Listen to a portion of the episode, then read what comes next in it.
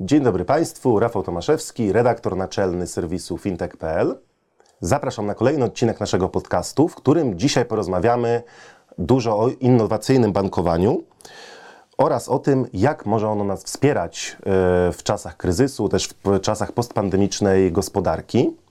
A w studiu są dzisiaj ze mną Andrzej Szewczyk, wiceprezes i dyrektor zarządzający Effigens. Cześć. Dzień dobry, cześć.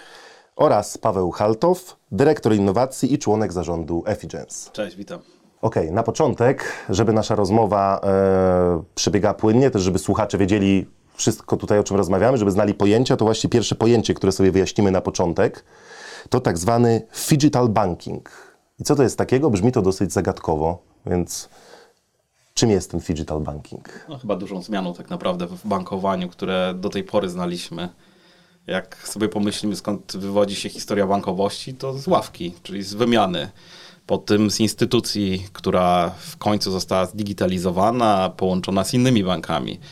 Natomiast y, wiele czasu upłynęło i tak naprawdę żyjemy w zupełnie innej rzeczywistości. Mamy różne punkty, w których płacimy i nagle okazuje się, że nie bankujemy tylko w instytucji albo między instytucjami.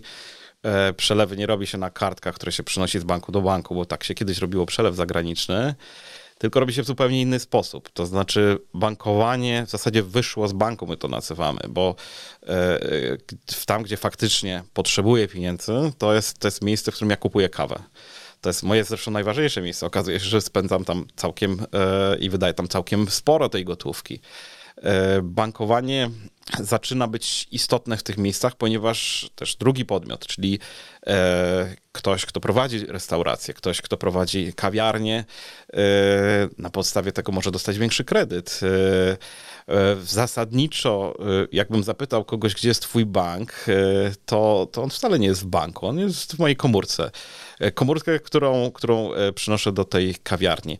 E, dlatego mówimy o tym, że digital to jest e, de facto ten nowy świat, w którym jest e, wiele czujników, on jest rozproszony, a ludzie postrzegają bankowanie jako punkty styku, jako interakcje z touchpointami i te touchpointy o dziwo są ważniejsze. A dlaczego? Dlatego, bo e, e, w kawiarni, kawiarnia dokładnie dużo więcej wie, moja aplikacja kawowa wie dużo więcej o moim profilu niż mój bank tak naprawdę. Na, na, wielu konferencjach takim przykładem innowacyjności jest inteligentna lodówka. Nikt z nas takiej w domu nie ma, bo to zupełnie inaczej działa i inaczej będzie działać, ale jest taki przykład lodówki, która sama wie, czego nam potrzeba i jeżeli nam się kończy yy, ulubiony rodzaj serka, to ona sama go zamówi, tak żeby ten serek zawsze był dla nas dostępny. Czyli urządzenie, które analizuje to, to co konsumujemy i zamawia nam produkty niejako w tle, żebyśmy się nie mogli tym zajmować. Gdzieś w tyle o tym się nie mówi, bo to jest mniej seksowne, ale gdzieś tam w tyle przecież za te produkty, które lodówka sama zamawia, trzeba zapłacić. I to jest właśnie taki styk świata fizycznego, takiego obiektu, jakim jest y, lodówka z bankowaniem, że to bankowanie przechodzi nam do tła. I to jest taki świat digitalowy, gdzie urządzenia fizyczne łączą się z takimi E, procesami, w tym przypadku płatności, które kiedyś nas absorbowały, a teraz mogą no, działać zupełnie, zupełnie w tle. I to jest taki przykład trochę abstrakcyjny, bo takie te, te lodówki to dobrze wyglądają w, w reklamach, e, e, gdy sama urządzenie przewiduje, że jest piątek, jest impreza, więc lodówka jest pełna piwa. Ale w świecie, w świecie realnym już to przecież obserwujemy. Są koncepty, są sklepy realne, do którego, w których nie ma kas. Można wchodzić, pobierać E, produkty do koszyka, wychodzimy i płatność także odbywa się niejako w tle, czyli czynność, na którą kompletnie nie musimy poświęcać czasu, ona się dzieje, się dzieje w tle, czyli takie nowoczesne bankowanie, które nas nie absorbuje w czasie, gdy e, kompletnie nie musimy na to poświęcać energii. To może warto dodać, bo nie chodzi nam o samą czynność transakcyjną, bo tak to byśmy mówili o płatnościach nadal, tylko wartość tych punktów, w których y, klient się styka jest dużo, dużo większa, ponieważ ja w tym miejscu mogę wziąć kredyt, e, osoba prowadząca biznes może, może dostać kredyt na podstawie dynamicznych danych w restauracji w zasadzie w real time. W związku z tym to jest prawdziwe bankowanie, tam się przenosi bankowość, tak? I tam się przenosi cała e, kluczowa interakcja. Nadal infrastruktura jest w banku, czyli mamy oddzielenie tej części takiej związanej z użytkownikiem, de facto z frontendem użytkownika i interakcją, e, w sumie tym, co najważniejsze, tym całym user experience wokół bankowości, e, a infrastrukturą finansową, która jest gdzieś tam głęboko, w sumie całkiem niewidoczna, tak na dobrą sprawę. Myślę, że pojęcie numer dwa też, które warto sobie wyjaśnić na początku naszej rozmowy, kolejny termin to cognitive banking. I o co chodzi tutaj w tym przypadku, bo to też istotne e, pojęcie, które często pojawia się, jeśli mówimy o nowoczesnym bankowaniu. Teraz jest szczególnie ważne, bo pojęcie powstało już e, jakiś czas temu w ujęciu od technologii, cognitive technologies, czyli takie technologie, które mają wartość poznawczą, umysłową, e, zaczerpnięte coś z psychologii, co w zasadzie odnosi się do naszego umysłu, e, które może poznać to, co robimy. No, bankowość transakcyjna i, cała bankowość, finanse niestety są, to są system regułowy, czyli ślepy na dobrą sprawę. Coś wykonujemy i widzimy reakcję tego. To wszystko jest proste, jeżeli mamy bilon, mamy monety, mamy faktycznie jakiś papier, który wydajemy i widzimy, że się nam on nagle zmniejsza w dzisiejszych czasach dochodzimy do takiego paradoksu, że y, nagle przestaliśmy zauważać, gdzie, jest, gdzie są nasze pieniądze. One zniknęły po prostu. One gdzieś są wydawane w subskrypcjach, one gdzieś odlatują, są zwirtualizowane. Ja się śmiałem, że ja swoim dzieciom nie potrafię wytłumaczyć, co to jest w zasadzie, co to są pieniądze, dlatego, bo ciężko jest je pokazać, bo ich nie ma. Ja, jak im wytłumaczyć? Jak, one, jak mój syn się pyta, co to jest bitcoin na przykład, tak? I, I przecież tam masz dużo pieniędzy, tato, no. Ja mówię, no nie może, nie już tak dużo, ale próbowałem. E, jest to bardzo ciężka opowieść, bo we wszystkich książeczkach nadal zobaczycie, e, że jest ta jedna złotóweczka. E, cognitive to jest takie oczekiwanie od bankowości czegoś więcej. Czegoś, czego ona nie robi, co jest nam bardzo potrzebne w tej chwili, co poniekąd pojawiają się pierwsze wskazówki, pierwsze takie wczesne objawy tego, że bankowość może jednak nam służyć do czegoś, ponieważ Patrzcie, no mamy technologie, super rozwinięte technologie, które potrafią w zasadzie wszystko, przewidzieć różne rzeczy, obliczyć. E, a ja nadal w bankowości nie potrafię zrobić takiej prostej rzeczy, jak e, to, co, co robi, to, co mi żona każe, czyli zapłacić wszystkie rachunki w sposób automatyczny. Tak?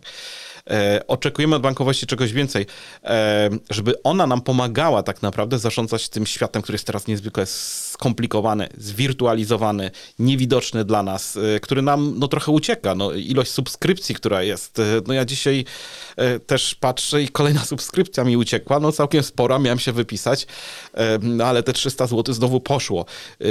Dlaczego? Gdzieś się zautoryzowałem i po prostu. I to jest, i to jest takie wyzwanie, pozostając przy wydatkach i, i, i, płatnościach, ponieważ nie mamy kontaktu z fizycznym pieniądzem, nie czujemy, że ta górka złota, którą trzymamy w domu nam ubywa, tylko te pieniądze mogą się rozchodzić w sposób taki nie do końca powiedzmy kontrolowany, na przykład poprzez subskrypcję, to, to takim naturalnym oczekiwaniem od y, świata, który ma dostęp do całego naszego życia finansowego, czyli banku, który wie na co wydajemy, w jaki sposób, jaki mamy zwyczaje, no właśnie jest taki, żeby w, tych, w tym procesie zarządzania chociażby subskrypcjami, subskrypcjami nam, y, nam pomógł, bo być może y, subskrybujemy 3, 4 platformy streamingowe, a korzystamy z jednej i to rzadko. Być może w ogóle kupujemy rzeczy, których, których nie używamy i to jest taki element prostego doradztwa w, w, pomocy w zorganizowaniu sobie wydatków, ale te porady mogą być dalece bardziej e, sensowne i dopasowane do, do, naszych, do naszych potrzeb. W Polsce, w Polsce mamy już e, szczęśliwie trochę autostrad. Za każdą musimy płacić w inny sposób. Niektóre są darmowe, niektóre musimy płacić w bramkach, niektóre mają aplikacje i te aplikacje jeszcze mogą, by, mogą być różne. Fajne doświadczenie jest y, ze Stanów Zjednoczonych, gdzie także możemy podróżować Yy, oczywiście jeżdżąc, jeżdżąc po, po autostradach i tam też oczywiście niektóre odcinki są, są, są płatne. Mało tego, jednym ze sposobów walki z korkami jest yy, jeden z sposobów walki z korkami polega na tym, że pasy szybsze, mniej zatłoczone, są droższe w tych, w tych, w tych, w tych opłatach. E, I to jest taki, taki przypadek, gdzie te pieniądze mogą także być wydawane bardziej, bardziej, bardziej sprytnie, bo tu już nawet samochód może nam zintegrowany z bankiem podpowiedzieć, że e, jeżdżąc zawsze lewym pasem, bo taki mamy być może nie najzdrowszy i najbardziej bezpieczny nawyk, wydajemy o wiele za dużo pieniędzy, gdybyśmy gdybyśmy jeździli może trochę wolniej e, prawym pasem, który akurat dzisiaj nie jest zatłoczony, więc taka, taka porada, że tą samą prędkość możemy mieć e, na prawym pasie, który, który jest po prostu tańszy, to jest rzecz niezwykle, niezwykle pomocna. I kto nam takiej porady może udzielić? Wyłącznie bank, który zna nasze zwyczaje, zna naszą historię, a jeżeli zintegrujemy go właśnie w tym świecie digitalu z naszym urządzeniem takim jak, jak samochód, to osiągamy efekt, że faktycznie możemy wydawać mniej pieniędzy i to jest niezwykle cenna, cenna i wartościowa w rozumieniu już takim typowo pieniężnym porada. No właśnie, widzimy też, że mówimy tutaj o tych e, nowych rozwiązaniach, że bankowość e, cyfrowa poniekąd gdzieś zaczyna się yy, przenikać z tą bankowością tradycyjną. Może te granice trochę się zacierają, tak w porównaniu do tego, jak to wyglądało kiedyś. Też rola oddziałów bankowych zmienia się o tyle, że banki zaczynają inwestować w te nowoczesne oddziały, tak? Ich rola się troszkę zmienia. I czy myślicie, że właśnie przyszłość oddziałów bankowych będzie wyglądała w ten sposób, że będzie ich mniej i po prostu zmieni się ich profil, tak jak to widzimy teraz? Czy może kompletnie znikną, bo tak naprawdę nie będą potrzebne ani klientom, ani bankom, będą generowały niepotrzebne koszty? Oczywiście mamy, mamy y, przyjemność życia w kraju, w którym bankowość jest jedną z najbardziej zaawansowanych y, na świecie i tutaj już rola oddziałów niesamowicie się zmieniła. To nie są miejsca, w, najczęściej, najczęściej to nie są mie miejsca, w których dokonujemy transakcji, płatności, y, w którym uprawiamy takie codzienne bankowanie. Coraz częściej są to miejsca spotkań, gdzie możemy uzyskać fachową poradę. Niektóre banki budują takie, y, nazwijmy to oddziały, formuły, gdzie gdzie oddział czy placówka bankowa jest pewnym miejscem spotkań, nawet niekoniecznie, niekoniecznie z samym bankiem, ale także pomiędzy, pomiędzy klientami. Czasem są to różnego rodzaju kołorki, miejsca, miejsca współpracy i zdecydowanie to jest taki trend, w którym, e, w którym bankowość podąża oddziały fizyczne, miejsca, gdzie można spotkać się w świecie realnym z bankiem, pozostaną i, i, i, i, i wszędzie muszą, by, muszą być, ale ich rola zdecydowanie y, maleje jako miejsca transakcyjnego, w którym, którym dokonujemy transakcji. Jest to miejsce, w którym rozwiązujemy spra sprawy trudniejsze, to są miejsca, w których szukamy porad, to są y, miejsca, w których y, możemy porozmawiać i uzyskać różnego rodzaju rekomendacje oczywiście to, co Andrzej powiedział, jest bardzo, bardzo ważne. To znaczy, my jesteśmy tak naprawdę na najbardziej innowacyjnym rynku na świecie. No, jak wyjeżdżamy za granicę, e, współpracując z klientami, to oni mówią, pytają się, a co u was w Polsce, tak? Bo, bo my musimy się dowiedzieć. I oczywiście e, u nas nadal w Polsce jeszcze jest e, mm, kultura, e, która jest związana z, z tym papierem i, i, i, z wydawaniem, koniec końców kultura spotkania, e, która no, jest ważna. Przykład kredytów hipotecznych, które nie zostały jeszcze do końca zdigitalizowane i, i, to nie jest tak jak w Skandynawii, że faktycznie możemy wyklikać i sobie ten dom literalnie kupić e, przez internet, e, więc to spotkanie nadal jest jeszcze istotne i one będzie istotne do rozwiązywania ciężkich spraw.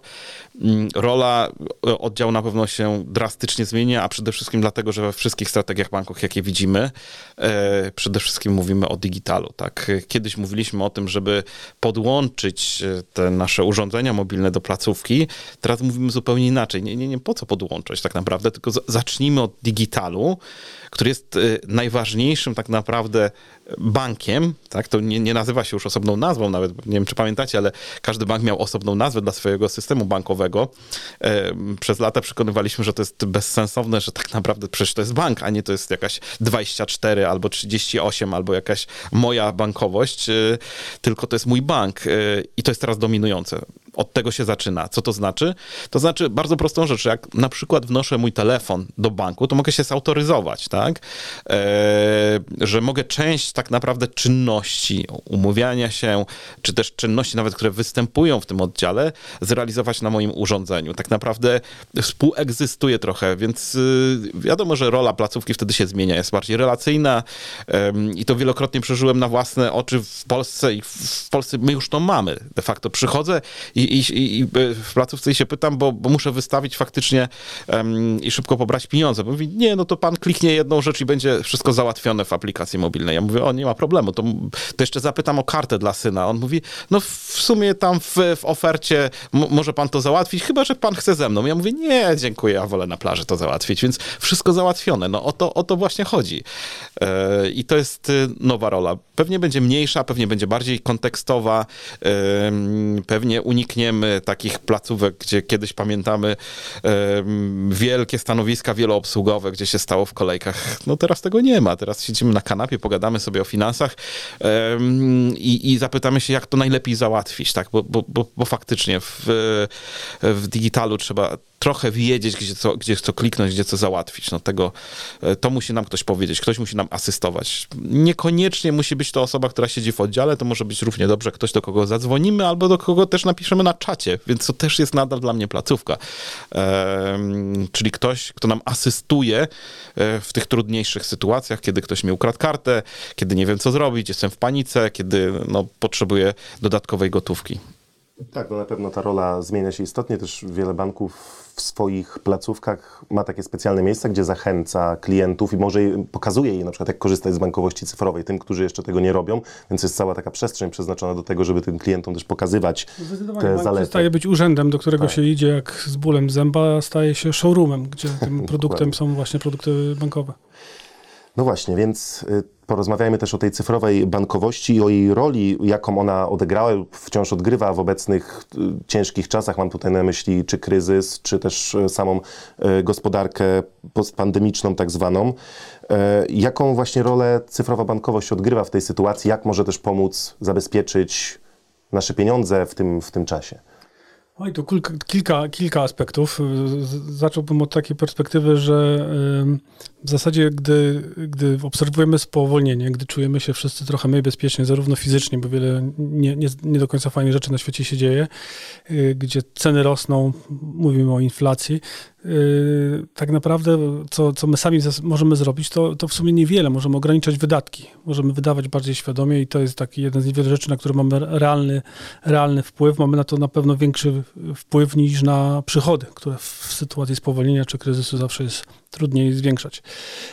I tutaj aplikacje bankowe, tutaj bankowość y, cyfrowa może zrobić naprawdę wiele, doradzając y, swoim klientom świadomie y, wydawać pieniędzy mniej. Już w wielu aplikacjach są dostępne różnego rodzaju dashboardy pomagające klientom mniej używać, pokazujące tempo realizacji wydatków. I chodzi o to, że to nie jest kolejny gadżet w aplikacji, który ma nam pokazać jakiś ciekawe, ciekawe zestawienie czy ciekawy wykres, ale może być to realna pomoc umożliwiająca, wspomagająca klientom w wydawaniu mniejszych, e, mniejszych, mniejszych pieniędzy, bo to jest taka rzecz, którą w, w kryzysie powinniśmy e, obrać jako pierwszą, najbardziej, najbardziej naturalną strategię ja bym jeszcze dodał taką ważną rzecz, bo my dzisiaj, jak mówimy sobie bankowość, to w dużej mierze myślimy jednak o tej komórce, e, mojej aplikacji bankowej, która e, o dziwo e, w dzisiejszych czasach jest wszędzie ze mną. To znaczy, to jest naprawdę najbardziej personalne urządzenie, które mnie lokalizuje, które wie, gdzie jestem, które jest zawsze ze mną. Co w czasach kryzysu,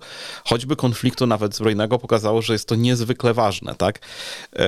Taki przykład, który, który znamy i który pokazuje transgraniczność tak naprawdę i, ten interoperacyjność banków. Y, to jest moment, w którym e, Ukraińcy tak naprawdę przyjechali do Polski, y, no i, i, i co, no, no po prostu uciekali, wzięli komórkę ze sobą i co oni mają dalej w Polsce zrobić, tak? W momencie, kiedy na przykład ich bankowość jest zatrzymana, tak? Jeżeli nie byłoby tak naprawdę wymiany pomiędzy e, Polską a Ukrainą, e, zgody i tak naprawdę możliwości też za pomocą różnych regulacji kursów łatwego wymiany hrywny na złotówki, to naprawdę byłoby ciężko tym ludziom. Po prostu okazało się, że bankowość w tym wypadku jest krytyczna, bo jest, może tych ludzi po prostu, krótko mówiąc, naprawdę zabić, tak? Nawet uciekając. Więc jakbyśmy sobie wyobrazili nasz własny kontekst, bo wszyscy się bali w, w czasie konfliktu, hej, gdzie uciec, no to wyobraźcie sobie, że bierzecie, pakujecie się i, i, i wasza aplikacja e, na granicy przestaje działać. No to, to, to co wy zrobicie? To, to skąd weźmiecie teraz gotówkę? Tysiąc złotych z bankomatu? Dlatego te urządzenia są niezwykle ważne, niezwykle ważna jest ta bankowość. Ona jest jak nasze flaki, co zresztą potwierdził ostatni Nobel, e, wydaje mi się, ekonomiczny, który był przydzielony właśnie za e, katastrofy banków, który pokazywał to, że tak naprawdę informacje, które są gromadzone w banku, to nie jest tylko informacja e, związana z billingiem, tam jest mnóstwo informacji o ludziach, które dotyczą tego, jak oni żyją, to, to są informacje o rolnikach, to są informacje o rodzinach, jak funkcjonują, tak naprawdę jaka nasza jest ekonomia. E, i jakiekolwiek spowodowanie, że bank zaczyna upadać, to powoduje, że opowiada całe społeczeństwo, całe państwo. E, więc jest to dla nas część infrastruktury krytycznej. O to musimy dbać. Wojna dobitnie to pokazała, że jest to niezwykle ważne i nawet, żeby, żebyśmy my sobie mogli swobodnie uciec do, do tej przysłowiowej Szwajcarii, Hiszpanii, no bez banku i bez tak naprawdę dotarcia do swoich, do swoich oszczędności, no nie byłoby to możliwe, więc e, o tym trzeba pamiętać. No tak, ale rozmawiając e, o, o czasach trudnych i niespokojnych, gdzie nasze bezpieczeństwo czy własne poczucie bezpieczeństwa jest e, dalece, dalece inne niż to, co mieliśmy kilka lat temu. Rola bankowości zmienia się także w takim kierunku, że, że zarządzanie naszymi pieniędzmi może odbywać się o wiele bardziej świadomie. Niestety rynki finansowe i w ogóle finanse to jest taki świat, który staje się coraz bardziej trudny kryptowaluty, NFT, to są wszystko produkty, które mają bardzo wysoką barierę wejścia. Wiele osób tych produktów po prostu nie rozumie. I, i rola banków polega tutaj także na e, dawaniu pewnego poczucia bezpieczeństwa i edukowaniu klientów. E, nawet wspomnieliśmy o oszczędzaniu i o być może zwolnieniu tempa wydawania pieniędzy, to jest bardzo ważne, ale także po, po drugiej stronie, gdy myślimy o inwestycjach, gdy myślimy o wydawaniu pieniędzy, to także, a szczególnie w takich czasach dość niespokojnych, bankowość i banki mogą nam w tych kwestiach pomagać. W ogóle szereg trendów związanych z ESG, czyli związanych z takim bardziej myśleniem ekologicznym, społecznie odpowiedzialnym. Bankowość ma dużą rolę do, do odegrania, bo na przykład kwestia kryptowalut być może jest bardzo seksowna, jeśli chodzi o inwestycje, bardzo nośny i ciekawy, i ciekawy temat, ale w sytuacji, gdy wielu z nas martwi się, jak przeżyjemy zimę, czy, czy zmarzniemy, czy starczy paliw, yy, czy nie zabraknie prądu, inwestowanie w środki, które yy, no przede wszystkim żyją z prądu, tak? Kryptowaluty, kopanie bitcoina to jest jednak ogromna, yy, ogromna konsumpcja prądu. Być może to nie jest najbardziej społecznie odpowiedzialne zadanie i być może tym także powinniśmy się kierować. I rola także instytucji finansowych, banków jest w tym, żeby nam y, to unaocznić i także nam te, tego, tego, nas w tego typu kwestiach y, edukować.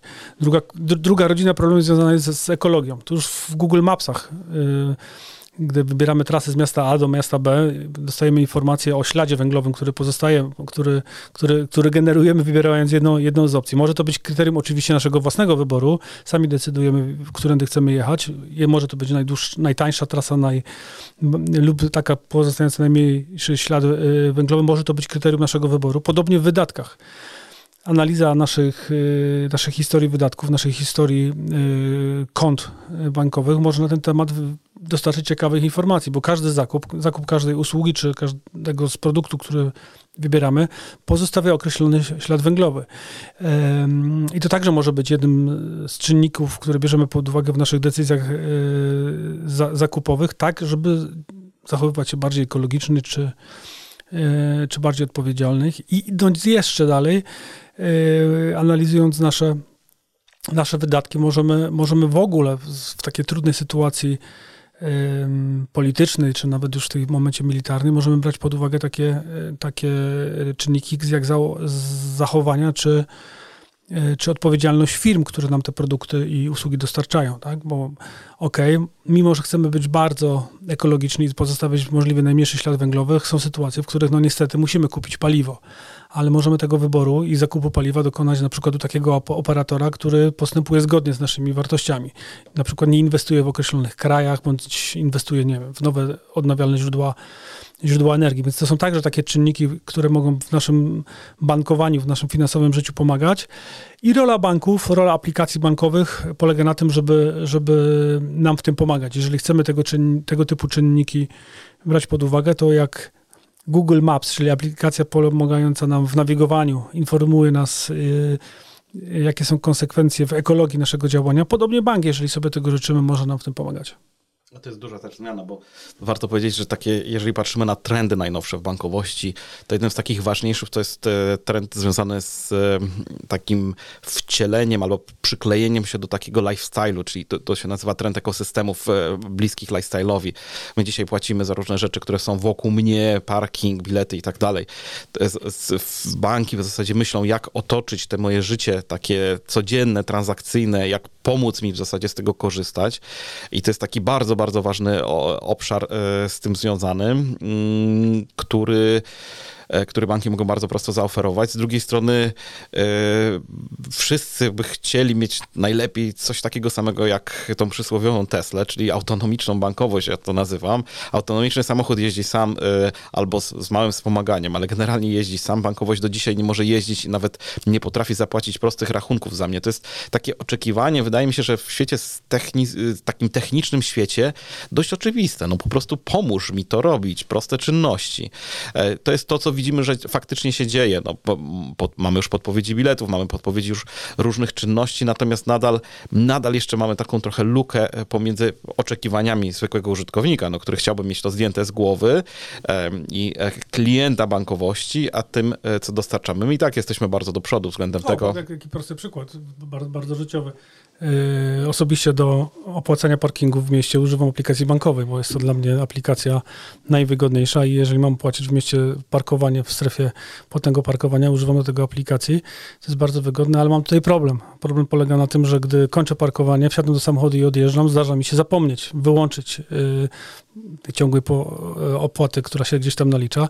No i tutaj na, na szczęście bank może, może pomóc, wykrywając, że aplikacja zmienia swoje miejsce położenia, czyli telefon z aplikacją zmienia swojego miejsca położenia, ma, aplikacja może do mnie uderzyć. Hej, dalej parkujesz w tym, samym, w tym samym miejscu, jeżeli już odjechałeś, to nie zapomnij wyłączyć.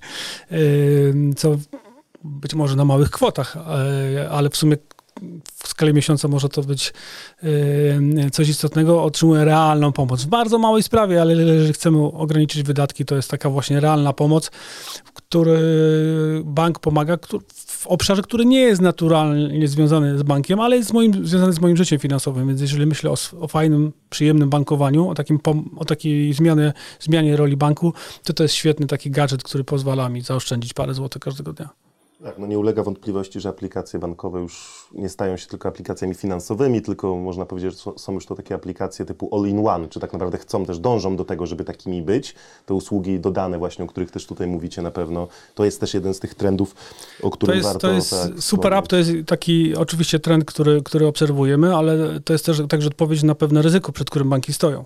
Jeżeli mówimy o tym, że ta przysłowiowa lodówka zamawia towar i za nas płaci, jeżeli, o, jeżeli autostrady opłacają się same. Jeżeli rachunki, z którymi Paweł ma problem, także będą same się, się opłacać, wszystko się w zasadzie dzieje, dzieje, dzieje samo, to nasze życie staje się, yy, yy, staje się bardzo wygodne, ale z punktu widzenia banku klient zupełnie z tym bankiem traci kontakt. To znaczy bank staje się infrastrukturą, która wszystko robi samo i to jest wygodne dla klienta, ale bank yy, ma coraz gorzej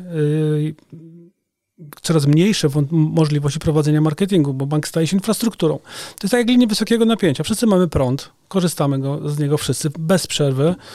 Yy, odczuwamy w zasadzie wyłącznie sytuacje, w których nam go zabraknie. Gdy się nam wyładuje telefon, nie możemy go podładować. Więc prąd jest pewnego rodzaju infrastrukturą i operatorzy linii wysokiego napięcia, które gdzieś tam przez Polskę się polami i lasami ciągną, to nie są marki, które postrzegamy jako love brandy. To nie są seksowne, większość z nas w ogóle nie wie, jak te firmy się nazywają. One nie muszą prowadzić marketingu, bo to jest infrastruktura. One muszą być, są solidne firmy. E, tymczasem banki od lat inwestują w to, żeby ich logotypy pojawiały się na koszulkach piłkarzy. E, w systemie płatnicze za każdym razem, gdy widzimy kartę kredytową, widzimy logotyp z jednym z firm. Y, logując się do aplikacji każdego dnia widzimy logotypy te, tego banku. Jeżeli to wszystko stanie się automatycznie, to nasz kontakt z tymi markami y, zniknie. I tutaj jest pewne wyzwanie stojące przed bankami, które właśnie budują także po to y, pewnego rodzaju super apy, żeby zawłaszczać większe terytorium czynności, które realizują użytkownicy, żeby z jednej strony oczywiście umożliwić użytkownikom korzystanie z tych, z tych, z tych funkcji, E, ale z drugiej strony, jeżeli banki nie będą zawłaszczać innych terytoriów, to jako brandy będą miały coraz trudniejsze pole do prowadzenia marketingu. No, chyba jest jeszcze drugi powód też.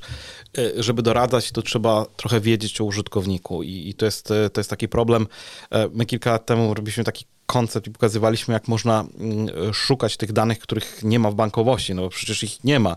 To znaczy, trzeba się w jakiś sposób dowiedzieć, czy ktoś ma dziecko, czy ktoś ma samochód, bo może mieć leasingowy. Nie widać tego w opłatach, bo wszystko jest y, opłacane z automatycznych kart.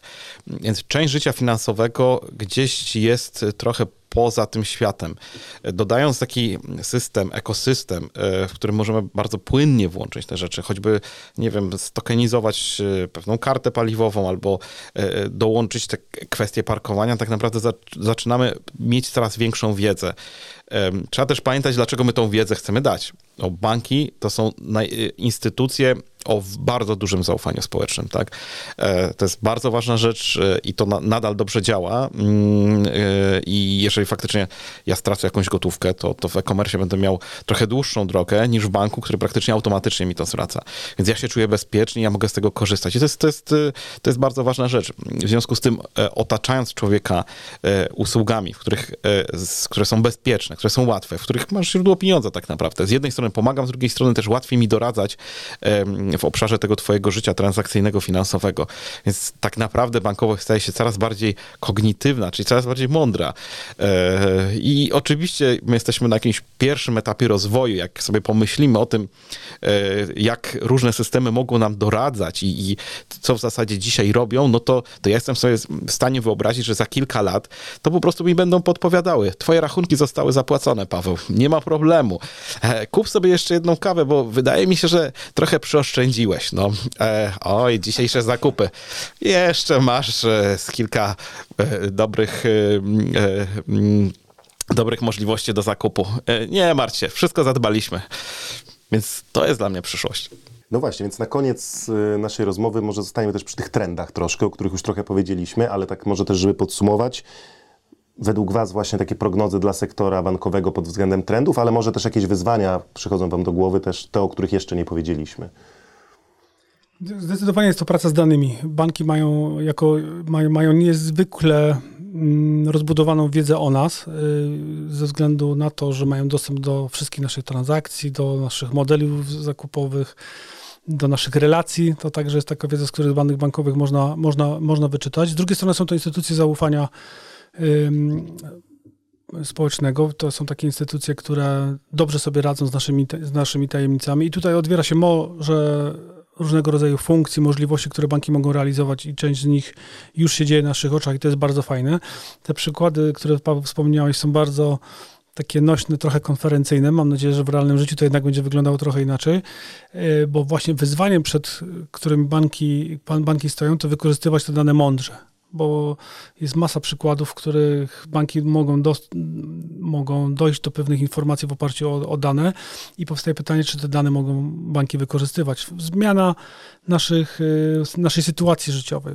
Analizując historię wydatków, bardzo łatwo można rozpoznać, takie doświadczenia były prowadzone y, w Wielkiej Brytanii, bardzo łatwo na przykład rozpoznać, że w rodzinie pojawia się nowe dziecko, albo że konkretna osoba czy klientka banku jest, jest w ciąży to jest, to, to analizując wydatki można takie, taką, e, taką wiedzę posiąść. I pytanie, czy, yy, czy posiadając takie informacje, operator powinien z takimi danymi cokolwiek, cokolwiek robić, bo, bo łatwo tutaj popełnić błąd i wkraczamy w taką sferę niezwykle niezwykle e, delikatną. I to są tego typu wyzwania i szanse, przed którymi banki stoją, jak indywidualizować produkty, jak indywidualizować podejście do klienta, mając dane y, o tych klientach, mając, dane, mając dostęp do morza y, danych o poszczególnych y, klientach, którego każdego możemy traktować inaczej, bo takie czasy, że że był klient indywidualny, klient firmowy, czyli były dwie, dwie kategorie klientów, może trochę bardziej skomplikowane, ale możemy, mogliśmy traktować klientów jako wielką grupę, trochę mijają i, technologia pozwala nam każdego klienta traktować bardzo indywidualnie. Tak, tak, ale tu należy dodać, że e, my to, co widzimy w Polsce, albo gdzie jesteśmy, w jakiej epoce jesteśmy, to jesteśmy w bardzo dojrzałej e, technologii, w bardzo dojrzałej bankowości. Dojrzałej to znaczy, że banki zaczynają konkurować trochę na innym poziomie. To, to nie jest już w ogóle budowa aplikacji, tylko to jest doskonalenie świetnego user experience, to jest e, doskonalenie de facto setupu różnych takich cech, które stworzą, że mój bank będzie wyjątkowy. Bo jak wiecie, no technologie są niezwykle drogie, tak, żeby e, zrobić tysiąc procesów, e, kosztuje to mnóstwo mandejsów. W związku z tym, co się robi, wybiera się i ten, ten setup, te, te, te elementy, które ja wybiorę do mojej strategii są niezwykle ważne. E, No a żeby mnie odróżnić od konkurencji, muszą być trochę wyjątkowe, więc zaczynamy wybierać, zaczynamy doskonalić user experience, optymalizować się po ró- różne rzeczy, różnych użytkowników, e, co też powoduje, że koniec końców mamy, zaczynamy mieć różne bankowości, tak? I pojawiają się też bankowości niszowe dla grających na gitarze, dla muzyków, e, e, dla tych, e, co lubią psy i, i, i konie, więc za, zaczynają się też doskonalić. Dlaczego? Bo oni mają takie inne specyficzne potrzeby. Okazuje się, że można wybrać trochę mniej rzeczy, nie budować wielkiego ekosystemu, wykorzystać gotowe komponenty, bo jesteśmy już na bardzo dużym poziomie dojrzałości i z tych gotowych komponentów z, złożyć coś unikatowego, tak? E, dla wąskiej grupy osób. I tych bankowości takich wyspecjalizowanych za granicą widzimy, że jest sporo. E, w Polsce, w Polsce jakoś tak e, one się może nie pojawiają, ale ze względu głównie na strukturę rynku pewnie. Natomiast e, ja uważam, że, e, że strategie bankowe, digitalowe muszą być skupione na użytkownika, ale takiego, który jest unikatowy, z customowym user experience, który wyróżnia te banki od siebie. To nie może być tak, że mamy trzy identyczne systemy, których e, nie da się od siebie odróżnić, bo jeżeli bankowość jest całym bankiem, bankowość digitalowa jest całym bankiem, no to znaczy, że to ona musi stanowić o całej marce, doświadczeniu, o tym wszystkim, co ja na koniec zapamiętam. I to de facto mnie przyciągnie po tym do korzystania z tego banku. I myślę, że tutaj możemy postawić kropkę. Gośćmi podcastu fintech.pl byli Andrzej Szewczyk oraz Paweł Haltow. Dziękuję Wam bardzo za Dzięki rozmowę. wielkie. Ja nazywam się Rafał Tomaszewski i zapraszam na kolejne nagranie już wkrótce.